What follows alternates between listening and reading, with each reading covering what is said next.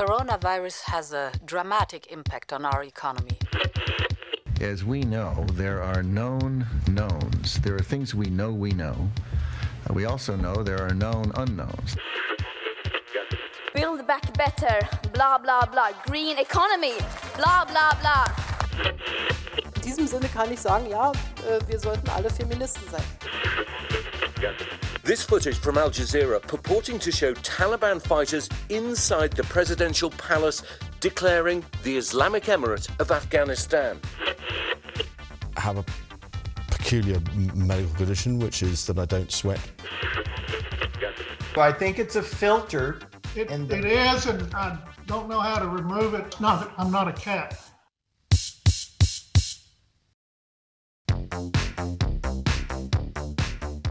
Þú ert að hlusta á heimskviður Í heimskviðum er fjallað um það sem gerist ekki á Íslandi. Ég heiti Birta Bjöstóttir. og ég heiti Guðmundur Björn Þorbjörnsson.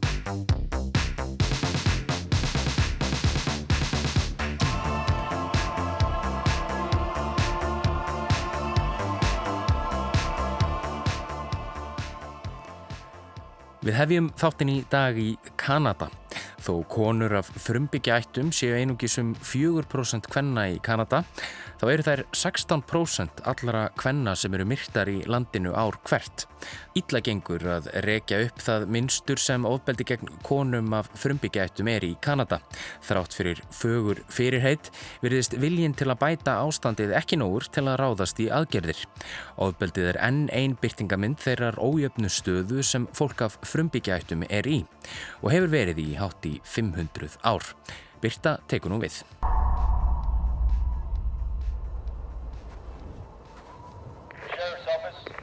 I need emergency assistance. What's your location? The Wind River Indian Reservation. Við fyrstu sín kvílir á herðum hins þungbúna veiðimanns allur heimsins harmur. Þegar sögunni vindur fram kemur í ljós að svo lýsing er ekki fjari sanni. Veiðimaðurinn misti dóttur sína fyrir nokkrum árum. Hún fannst látin eftir að hafa verið nöðgað, yfirgefin ein út í snjónum. Þegar að fleiri stúlkana á svæðinu býða sömu örlög leggst veiðimaðurinn á árina með starfskonu bandarísku alríkislaurugluna til að rannsaka málinn. Should we wait for backup? This isn't a land of backup, Jane. This is a land of you're on your own. Eitthvað á þessa leið hljómar sögurþráður bandarísku kvikmyndarinnar Wind River sem kom út árið 2017. Reyndar gerist þessi mynd í Wyoming í norðluta bandaríkjana og verður svo sem ekki meira til umfyllunar hér. En áhorf þeirrar sem hér talar varð hins vegar kveikjan af umfyllunni sem hér á eftir fylgir. Við áhorf á myndina í jólafríinu kíkti ég nefnilega þess í síman minn. Nú byrðir hlustendur vinsanlegast að dæma ekki. Flest ykkar kíkja eflust reglulega í síman og meðan þið horfið á sjónvarpið. En nú um það, í lok myndanar kemur nefnilega fram að þó að örlög frumbyggja stúlknana í myndinni séu uppspunni, þá eigi þessir fjölda margar hliðstæður í raunveruleikanum. Og þá fer maður að googla.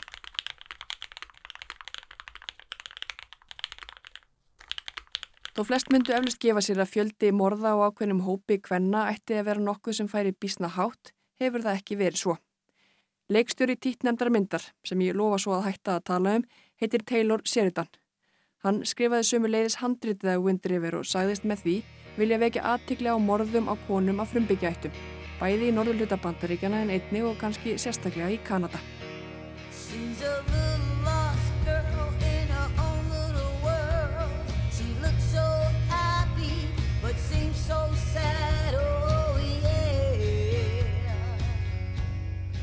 Þar eru kallaðar Indigenous Women á ennsku, innfættar konur, konur sem mega náttúruleg heimkynni á svæðinu. Frumbyggjar eru kannski besta þýðingin á íslensku eða konur af frumbyggjaættum eða uppruna. Þetta eru allavega konur sem eiga uppruna að reyka til þeirra sem landsvæði byggðu fyrst. En það segja mannfræðingar að ofbeldi gegn þessum konum hafi viðgengist allar götur síðan árið 1492. Þú mannst hlustandi góður kannski eftir því herrans ári úr sögubókunum, en þetta er einmitt árið sem Kristófur Kolumbus fann Ameríku eins og það var orðað. Fann sem satt land sem að fólk hafi búið í öldum saman, en það er önnusaga. Vandamáli sem hér er til umfyllunar á sem satt rót sína reykja einn 500 ára aftur í tíman.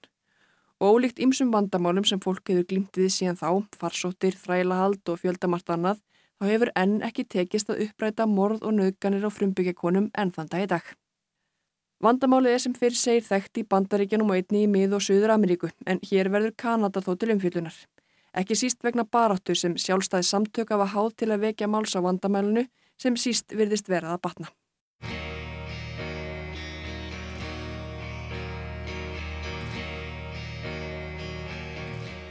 Þó að konur af frumbyggja ættum séu einungis um 4% kvenna í Kanada, þá eru þeir um 16% allra kvenna sem eru myrtar í landinu ár hvert.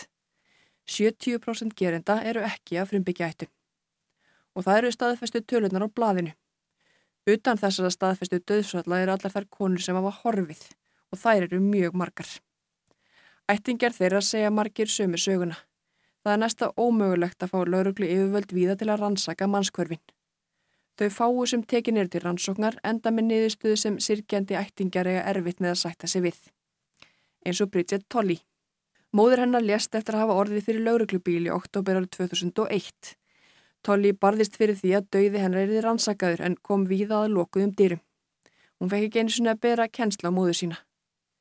Maðurinn sem var á endanum fenginn til að stýra rannsókninni var frændi mannsinn sem óg lauruglubílum sem móður Tolley var fyrir. Niðurstöða lauruglu var það endanum að ofdrykja væri orsök andláts móður Tolley. She's a little lost girl in her own little world. I'd like to help her. I'd like to try. Oh.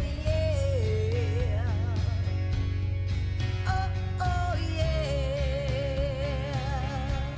Hér verður því alls ekki haldið fram að löggjæslu yfirvöldum í Kanada sé einum um að kenna hversu útbreytt vandamálið er. En viðbröð þeirra í þessu tiltakamáli lýsa ákveðinu viðhorfi sem viðist bæði útbreytt og rótgróið. Því að meðan konuna sem myrtar eru og hér eru til umfyllunar eiga það sameginlegt að vera að vættum frumbyggja, þá eru gerendunir eins ólíkir og þeir eru margir. Allt frá óþektum raðmóðingum yfir í nána fjölskyldum meðli með kvennana. Fræðimenn hefur bent á margvíslegar ástæði þess að þessi tiltekni þjóðfélagshópur sé líklegri en nokkur annar hópur í samfélaginu til að vera myrtur. Ástæðunar eru bæði félagsfræðilegar og sögulegar og eiga rót sína í nýlendustefnu. Áratugalöng útskúfun fólks af frumbyggjaættum á ýmsum sviðum samfélagsins er staðreind sem reynd hefur verið að snúa við en það tekur greinlega langan tíma. Fólk af frumbyggjaættum í Kanada er ekki bara mun ólíklegra til að gegna einhvers konar stjórnunarstöðum, heldur hafast mörg þeirra við á afskektum landsvæðum þar sem fátakt og önnur samfélagslega vandamál eru mun algengari en annars þær í samfélaginu. Í stað þess að stefna því að gera svæði þeirra hluta á borgar og bæjarskipulagi þar sem öll eru fullgildir þáttaköndur hafa svæði þeirra orði sífelt einangraðri. Og eins og ofta áður tala tölunar sínu máli. Samkvæmt samantekt frá árunni 2014 fá afbróta menn af ættum frumbyggja talsvert lengri fangelsistóma en aðrir fyrir sambærileg afbrót. Þeir afplána einnig frekar í örgisfangelsum. Sjálfsvíg eru mun tíðari meðal fólks af ættum frumbyggja í Kanada en annara þjóðfélagshópa. Á sömum svæða þeirra er tíðni sjálfsvíga líkt við faraldur. Þunglindi er um helmingi algengara meðal fólks á svæðum afkomenda frumbyggja í Kanada en annara í landinu. Á meðan færri neyta áfengis meðal frumbyggja í Kanada en annar staðar í landinu er ofneisla áfengis og vandamál henni tengd margfalt algengari í þeirra röðum. Árið 2006 bjó helmingur barna af frumbyggja ættum við fátækt. Þessar staðrindir hafa ímiskonar félagslegar afleðingar. Fátakt og neyð valda því að konur af frumbyggja ættum eru margfald líklega til að leiðast út í vændi en aðrar konur í samfélaginu. Þá er heimilsofbeldi mun algengari þeirra rauðum um fjórðungur hvenna frumbyggja ættum segist af orði fyrir ofbeldi af hálfu maka eða fyrirfinandi maka. Og meðan börn frumbyggja eru rétt tæp 8% barna í Kanada eru meir en helmingur fósturbarna þar í landi af frumbyggja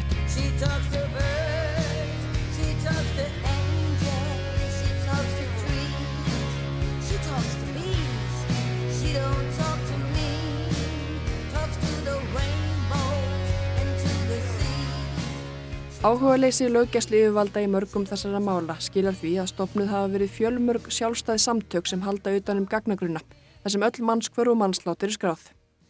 It Starts With Us og Sister of Families in Spirit eru nöfn á tveimur slíkum samtökum. Samtöku á borði þessi tvö mótmæltu niðurstöður rannsóknar á vegum löggæsli yfirvalda í Kanada frá árinu 2014 sem sagði að þær væri 1200 konunar af frumbyggja ættum sem hefði annarkot horfið eða verið myrtar á árunum 1980 til 2021. Samtökun halda því fram að þær séu miklu, miklu fleiri. Þeirra mat eru að það séu nær 4.000 frumbyggja konuna sem hafa verið myrtar eða hafa horfið undan farin 30 árin. Séða raunin eru það um 133 konur á ári eða meðaltali um þrjár í viku hverri. Útskýringar fólks innan viðbanda samtakana segja ástæðu þess að svo margar vanti í upptalningu lauruglunar sé svo að mannskvörf séu illa eða alls ekki skrásett í gagningunni lauruglunar.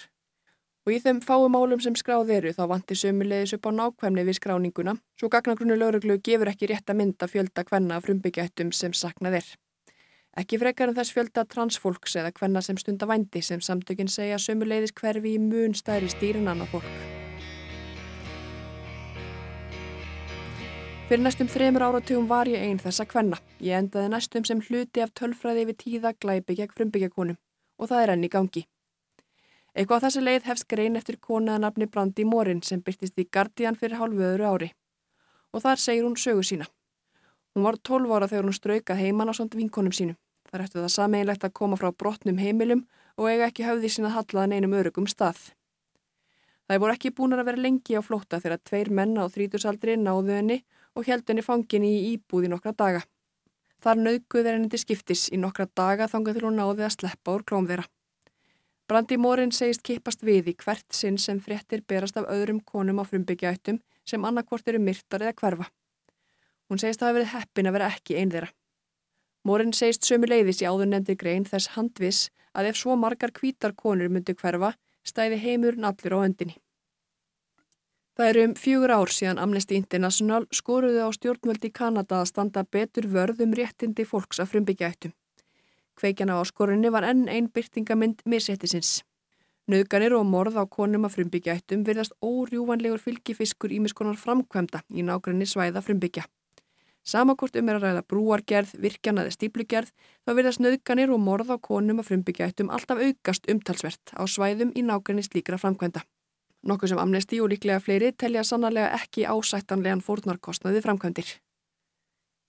Mikil uppsveifla er til að mynda í orkuðinaði í norðurluta bresku Kólumbíu. Nýleg framkvæmt er 670 km löng gaslögn fyrirtækisins Coastal Gaslink. Lagning leyslunar kraðist mannskapar eðlilega. Fjöldi vinnubúða var settur upp á meðan framkvæmtinni stóð, sumar sem hýstu alltaf þúsund manns. Og það brástvíst ekki, tíðni nöðgana og annars ofbeldisgegn frumbyggja konum jóks til muna á meðan vinnubúðuna voru starrektar. Og þó fyrirtæki sem stóða framkvæmdini harmaði sannlega þessa tölfræði var lítið gert til að spórna við þessu. Sára fáir voru sömuleiði sóttið til saga fyrir glæpina.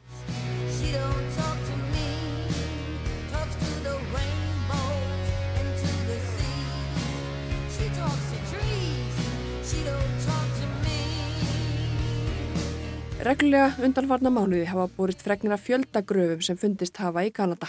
Fjöldagröf með líkamsleifum næri 100 barna fannst nýlega við heimavistarskóla í Kanada. Á rúmlega 100 ára tímabili voru 150.000 börn af frumbyggja ættum tekin frá fjölskyldum sínum og sendi í slíka skóla þar sem þau byggum mörg við skelvilegar aðstæður. Þúsundir snýru aldrei aftur heim. Ómerktar grafir yfir 700 barna hafa fundist við gamlan heimavistarskóla í Kanada. Stutt er síðan grafir 215 barna fundust þar í landi við annan skóla. Börnin voru að frumbyggja ættum. Þúsundir þeirra voru vistaðar í slíkum skólum. Fjöldagreif 215 barna fannst á dögunum í gömlum heimavistaskóla fyrir börn af frumbyggjaættum í Bresku Kolumbíu í Kanada. Það átti að aðlaga börnin að kanadísku samfélagi og fyrir þeim bannað að nota eigin tungumál og rækja eigin menningu og siði. Á 19. og 20. öld var fleirin 150.000 frumbyggja börnum komið fyrir á heimavistaskólum við sverum Kanada þar sem átti að aðlega þau betur að hinnu vennjulega kanadíska samfélagi. Hér myndi orðið vennjulega þá vera einan gæsalappa. Síðasta skólanum af þessu tægi var ekki loka fyrir náru 1996 og talið er að alltaf 6.000 börn hafi látist þar. Kanadísk stjórnvöld báðist afsökunur á reksti skóluna og hófu formlega rannsókn á örlugum barnana. Einhver þeirra hafi fengið bætur en flest þeirra sem eru endur frásagnar segja það lítið hjálpa. Tilgangur skóluna og hræðilega meðferð á börnum þar er enn einn byrtingamind þessa rótgróna misréttis sem frumbyggjar búa við í Kanada. Á meðan við erum öll líklega hjartanlega sammála því að fjöldagrafir barna eru ömurlegur blettur á sögu hverjar þjóðar er erfiðara fyrir leðtóa að harma í gríð og erg atbyrði sem gerast á degi hverjum enn þann dag í dag, sem er sérsagt ofbeldi ekki að konu. Krafanum uppgjöru fortíðina er háværi tilfelli barnana, eðlilega, en þráttur í vittneski um útbreytt ofbeldi ekki að konum viðgengst það ennþá. Því vittneskjan er til staðar. Þrátt fyrir áðurnemt hyrðuleysi yfirvalda í einhverju mála kvennana sem líst er eftir er erfitt fyrir fólk að neyta að horfast í augu við vandan sem sannarlega er búið að staðfesta að sé til staðar. Árið 2019 skilaði sérstök rannsókanemnd umbeðnum niðurstöðum sínum um umfang vandan sem ofbeldi og morð á frumbyggja konum hefur verið og er í Kanada. Skíslan var afrakstur tveggja og háls á svinni og taldi um 1200 blaðsýður.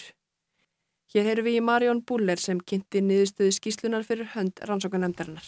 The significant, persistent, and deliberate pattern of systemic racial and gendered human and indigenous rights violations and abuses perpetuated historically and maintained today by the Canadian state designed to displace Indigenous people from their lands, social structures, and governance, and to eradicate their existence as nations, communities, families, and individuals is the cause of the disappearances, murders, and violence experienced by Indigenous women, girls, 2S LGBTQIA people, and this is genocide. Ekki er hægt að halda öðru fram en að niðurstaðar rannsókan nefndarnar hafi verið afgerandi. Konurnar sem myrtar hafi verið undanfarna áratugi eru fórnarlömb kanadísk þjóðarmorðs. Rannsakætur sögðut sannarlega meðvitaður um að orðið þjóðarmorð sé ekki bara stórt heldur einnig vand með farið en segja máli sínundu stuðnins að þær þjóðir frumbyggja sem umræði búi enn í landinu og það sé verið að höggva skarð í þeirra raðir. Þjóðarmorð er samspil þeirra samfélagslegu venja, hugmynda og gjörða sem líst er í þessari skýslu, segi meðal annars. Minnstur skipularar útskúfunar sem byggður á kynþætti og mannréttindabrót sem viðhaldið er af kanadísku samfélagi stuðlaða því að veikja stöðu frumbyggja afmá tilveru þeirra og sérkenni. Niðurstöðu rannsóknarinnar stiði þá ákvörðun að skilgjörna þessa gjörðir, þar á meðal ofbeldið á frumbyggja konum og stúlkum og hins egin fólki sem þjóðarmorð, segið meðal annars í þessari skýsli. Hins egin fólk og transfólk úr rauðum frumbyggja býr við sömu aðstæður og konur. Þeim er markvallt hættara við að verða fyrir ofbeldi eða vera drepin en önnur. Among Carolyn's top priorities will be the creation of a national public inquiry into missing and murdered Indigenous women and girls in Canada. Justin Trudeau, fórsetisráðara Kanada, setti þessa rannsókn og sátt að gjörð við frumbyggja ofarlega á forgangslista ríkistjórna sinnar í upphafið valdatíðar hennar. Það eru skiptar skoðanur um hversu vel það hefur tekist til. Til stóða ídáur vör aðgerðaplani í kjölfarskíslunar til að reyna að skera upp herur gegn útbreytu ofbeldinu. Það átt að hefjast formlega í júni árið 2020. Korunveru faraldurinn frestaði því eins og öðru og aðgerða áallinu enn ekki komin í gagnið. Þá benda mörgur rauðum frumbyggja á þá staði reynda að kanadísk stjórnvöld hafa enn ekki fullgilt stefnu saminuðu þjóðana um rétt frumbyggja um heim allan. Stefnan var fullgilt á vegum saminuðu þjóðana árið 2007. Kanada greiti fyrst atkveði gegn yfirlýsingunni en fulltrúi þeirra fjælst á hann árið 2010. Árið 2016 samþyktu stjórnvöld í Kanada stefnu saminuðu þjóðana í málefnum frumbyggja með lovorðu um að koma inn í framkvæmd innan ríkis, stopnana og á öllum sviðum samfélagsins sem fyrst. Það hefur þó enn ekki gerst. Samþykki ríkir um rétt frumbyggja en það verðist vera aftalegi forgangsröðinni að tryggja þann rétt. Eins og vel er vitað eru nöfn og fólk á baku hverja einustu tölu á bladi. Al Jazeera helguðu frumbyggja konum ítalegar fréttaskýringar sem byrtust undir lók síðastliðins árs. Það heldur að penna áður nefnd Brandi Morin, bladakonan sem sæði sögur sína í Guardian fyrir nokkrum árum muniði, konan sem slapp. Í fréttaröðinni segja aðstandendur hvenna sem hafa horfið eða verið myrtar sögur sína og konur sem lifðu af. Öll segja þau frá innbyggðum ótta hvenna frumbyggja ættum og ættingja þeirra í hvert sinn sem þær fara að bæ óttast þar að verða næstar í röðinni. Fóreldrar úlingstúlkna segja sömu sögu af nagandi kvíða og áhyggjum. En það kannski ekki að undra. Þá eru ótaldar þær ungu konur sem hafa engan til að óttast um sig, konur sem þurfa að standa á eigin fótum sögum erfiðra aðstæðina heima fyrir.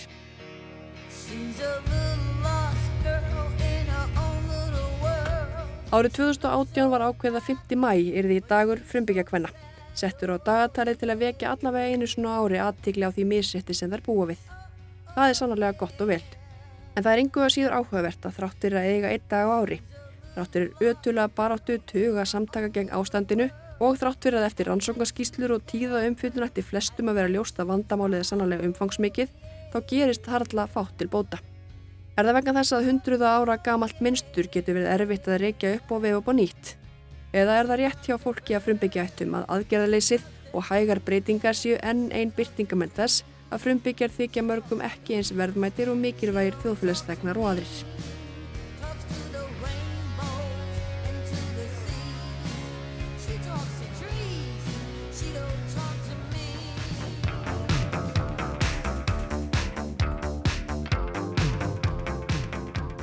Nú rúlum við út heimskortinu og í næsta pistli komum við víða við, reyndar meðal annars í Kanada.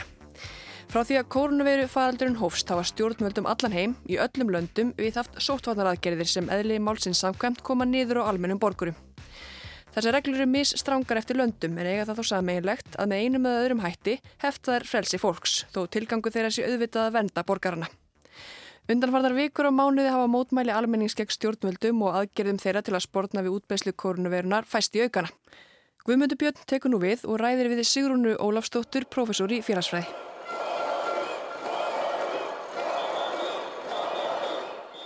Við erum stött á Malon Stranske torkinu í miðborg Prag, höfuborgar Tjekklands.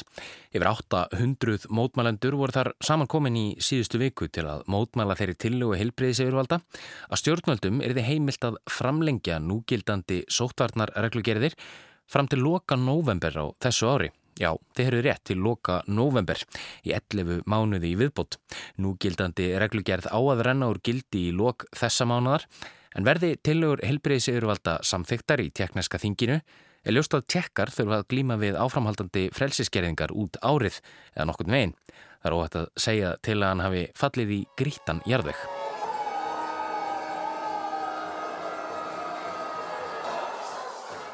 Fyrir ári síðan hefði mátt ætla að viðbröð teknesks almennings við slíkum tíðundum hefði verið önnur. Þá var veiran ennað slíta bartskónum og þótt vonir hefðu staði til að faraldrinum líki bráðum var vitað að hann væri langlífari en talið var í upphafi. Þetta var ennþá ný heimsmynd, óvissan var mikil og bólusetningar ekki enn hafnar við veirunni. En á síðast ári breytist allt, ekki bara í Tjekklandi heldur um hinn gerfalla vestræna heim. Almenningur var bólusettur við COVID-19, ekki einu sinni ekki tvísar heldur stundum þrísvar.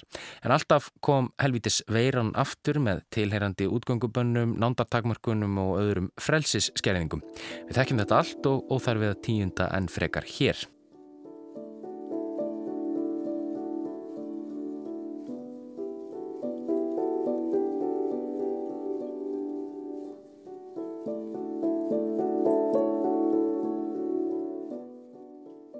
En á sama tíma á veiran snýri aftur virtist hún missa einhvern sjarma. Það var eins og nýtt afbreyði væri veikara en það síðasta. Hver stökk breyting dróur mætti hennar. Delta afbreyði var bytlausara en það sem lagði 2000 Evrópabúa í gröfina á vormánuðum 2020 og svo kom Omikron afbreyðið sent á síðast ári. Afbreyði sem veldur í mun minna mæli alvarlegum veikindum heldur en þau fyrri. Afbreyði sem meira segja læknar á að vilja bera saman við blessaða flensuna.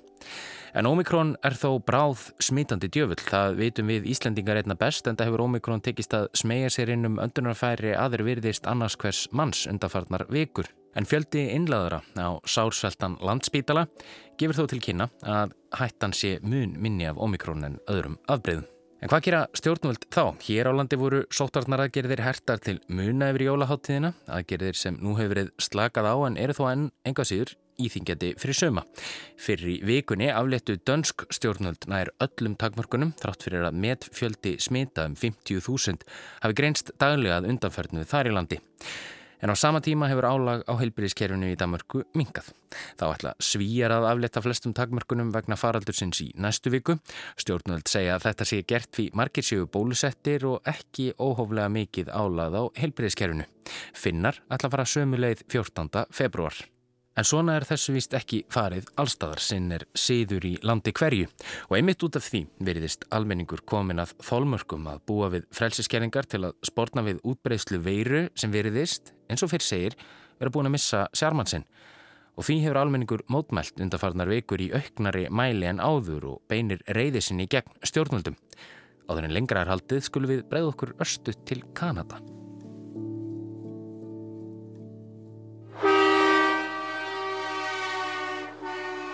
Við heyrum hér kanadíska vörubílstjóra þennja flauturnar í Ontario ríki í suð-östurluta landsins á 50 dæni síðustu viku. Í vegkantinum standa hundruð mótmælenda.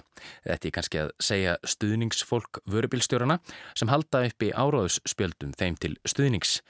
Síðan þá hefur stuðningur við þessa vörubílstjóra aukist og mótmælinn breyðst út um landið. Í rúma viku kerðu tugir þeirra í bílalest yfir þetta gríðarstóra land og vöktu aðtekli á málstað sínum. Og sunnudag lauk þessum vikulega rúndi í höfuborginni Ottawa og kröftu mótmæli hófust fyrir utan þinghúsið. En hverju er verið að mótmæla og hver er málstaður vörubílstjórana?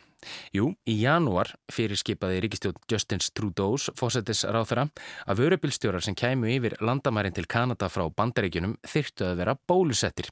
Sem sagt, skildu bólusetning á vörubílstjóra. Fyrir óbólusetta vörubílstjóra hefði þetta þýtt að þeir þyrtu að fara í sóttkvífið heimkomu.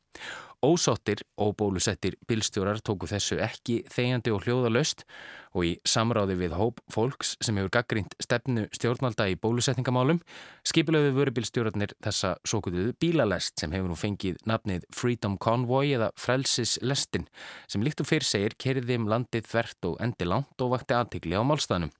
Því austar sem hún hjælt, því betur náði hún eirum almennings og kröfur mótmálanda urðu meiri en þær voru í upphafi. Stjórnveld ættu ekki aðeins að afnema bólusetningarskildu bílstjóra, heldur bólusetningarskildu yfir höfuð. Það er nefnilega svo að sóttarnar aðgerðir í Kanada eru tölvert strángar en hér á landi. Þar þurfa allir sem ferðast með flugvél eða lest að hafa fengið bólusetningu við COVID-19, allir ofenbyrjir starfsmenn og allt starfsfólk á vegum ríkisins. En hver er ástæða þessa ofsafengnu viðbræða sem við sjáum svo víða Erlendis? Sigur hún Ólafstóttir er professor í félagsfræði við Háskóla Íslands. Það augljóslegasta sem við myndum byrja að velta fyrir okkur er að við erum búin að vera að fást við þessa veiru og í raunin lífa í skugganar núna í tvö ár. Þannig að það er mjög eðlilegt að sé komin mjög mikil þreita í fólk varðandi að í rauninni bara að líf þeirra séu bara já, svona, svona kannski sett bara á frost eða eitthvað slíkt. Sigrún hefur ansakað viðbrögð og viðmót Íslendinga við sóttvarnar ákvörðunum stjórnvalda hér á landi frá upphafi faraldurs. Í rannsóknum hennar Jónskunnars Bernburgs profesors og fleiri fræðimanna kemur fram að Íslendingar eru húsbóndahall þjóð og hefur tröst þeirra á ákvarðanantökum stjórnvalda verið í hæstu hæðum þar til að undanförnu. Þegar sóttarnar aðgerðir voru hertar að nýja á síðast ári í þriðju og fjörðu bylgi faraldursins fór tröstið að dvína. Áfram er þó mikið tröst til þrýekisins svo kallaða og tröst á vísindum mikið en viða Erlendis er aðra sögu að segja. Svo auðvitað ber að hafa í huga og þú minnist á kannski að við erum að sjá þetta meira í öðrum löndum heldur en hér. Þó höfum reyndar held ég sé það aðeins aukast líka hér heima. En auðvitað að þá okkur kannski finnist að þetta sé búið að vera erfitt.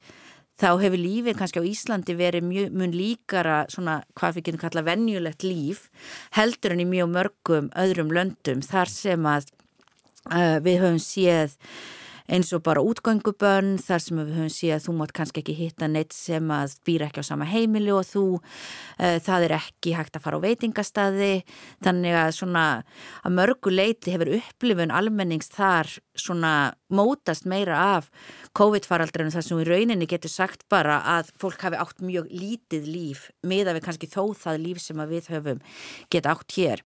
Eitt þeirra ríkja sem hefur frá upphafi faraldurs lagt nokkuð þungar byrðar á herðar sinna íbúa er Belgia.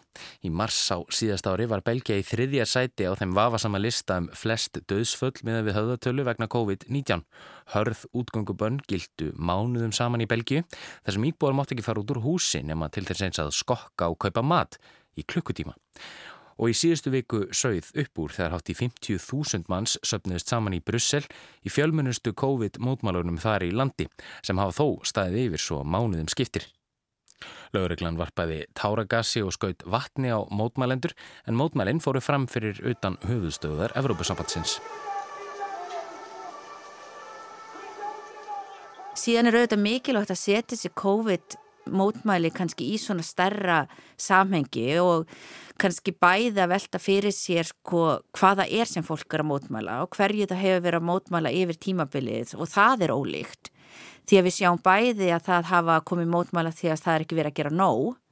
Það hafa líka komið mótmæli til að mótmæla aðgerðin stjórnvalda sem er kannski daldið mikið núna og það sem við erum kannski að sjá hér daldið í umræðunni en síðan líka náttúrulega kannski svona þessari sértækari mótmæli sem eru þá hreinlega um bóluöfnin og hvort að við metum að þau séu öruguð ekki.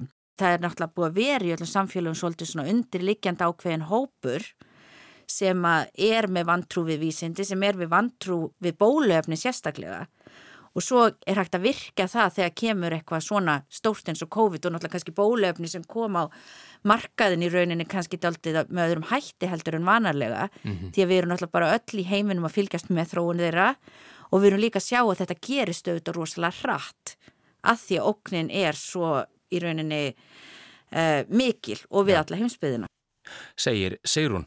Það er nefnilega ekki svo að COVID-mótmæli sé á einhvern hátt niður njörfanleg eða meitluð í stein að mótmælendur hafi einn skýran bóðskap eða aðeins eitt baróttumál á stefnusgaráni. Sigrún nefnir hér bóluefnin sem dæmi. Bóluefni hafa alltaf verið umdelt, löngu fyrir tíma COVID og andstæðingar bóluefna alltaf verið til. Svo öra þróun bóluefna fyrir COVID-19 og bólusetningar heilu þjóðríkjana á einu bretti gerði það verkum að fólk sem hafi kannski litla sem enga skoðun á stjórnvöldum og pólitík í sínulandi fór að beina reyðisinni gegn þeim. Já, þá er þetta náttúrulega tengast inn í alls konar hópa sem eru nú þegar til í samfélagunum. Þar eru þetta mikilvægt að hafa í huga að ekkert svona gerist í félagslegri einangrun heldur tengist auðvitað því sem er búið að vera að gerast í starra félagslegu og samfélagslegu og stjórnmálarlegu samhengi. Og þar geta einmitt nákvæmlega sort að talað um að vera svona mismunandi ástæðu fyrir því hvaða er sem að verum ósátt við og ég held til dæmis að kannski svona aðgeri stjórnvalda myndi svolítið fara inn í þessa COVID-13 það fyrir líka í til dæmis bara undirlikjandi pyrring við stjórnvöld mm.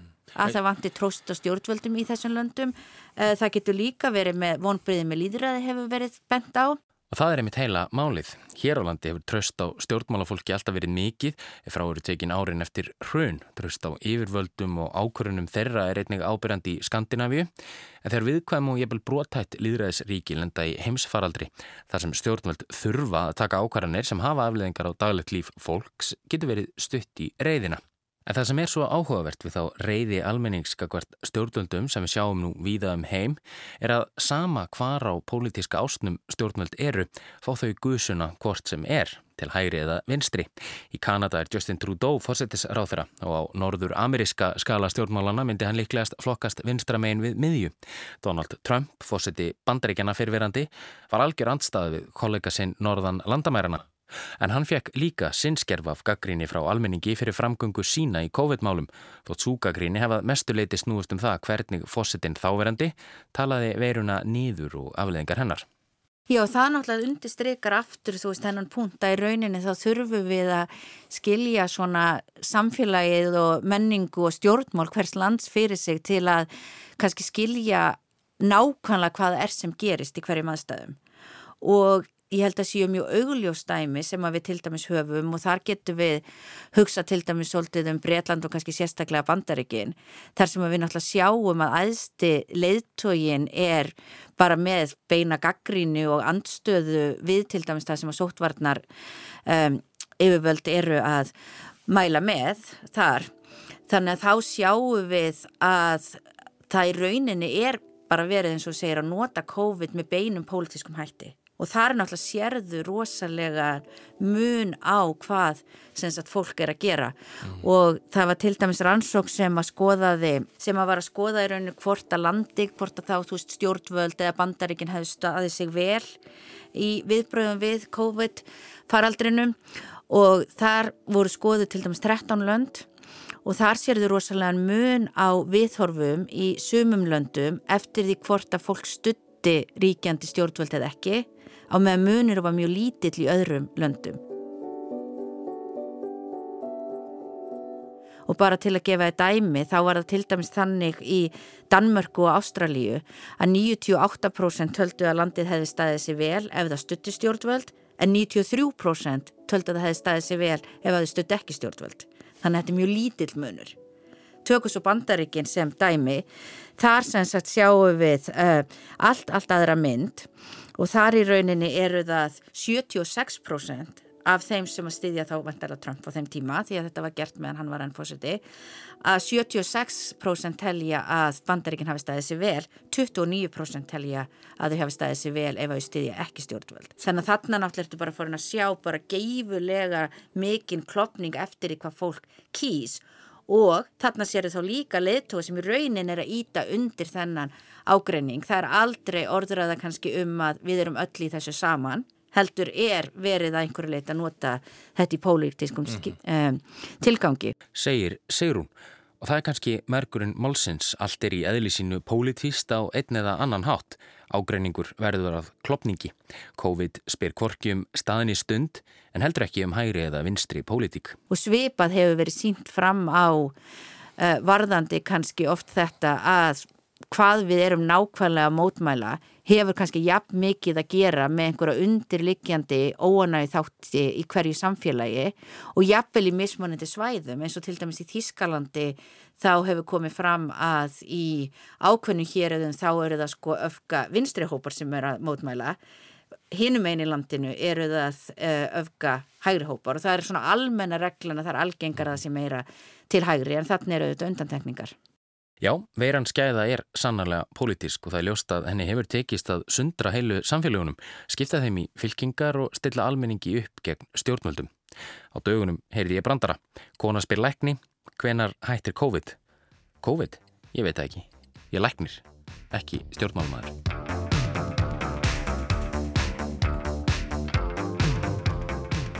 Þetta verða loka orðin í þessum heimskuði þætti sem okkur telst til að sé nú með 95 í rauðin.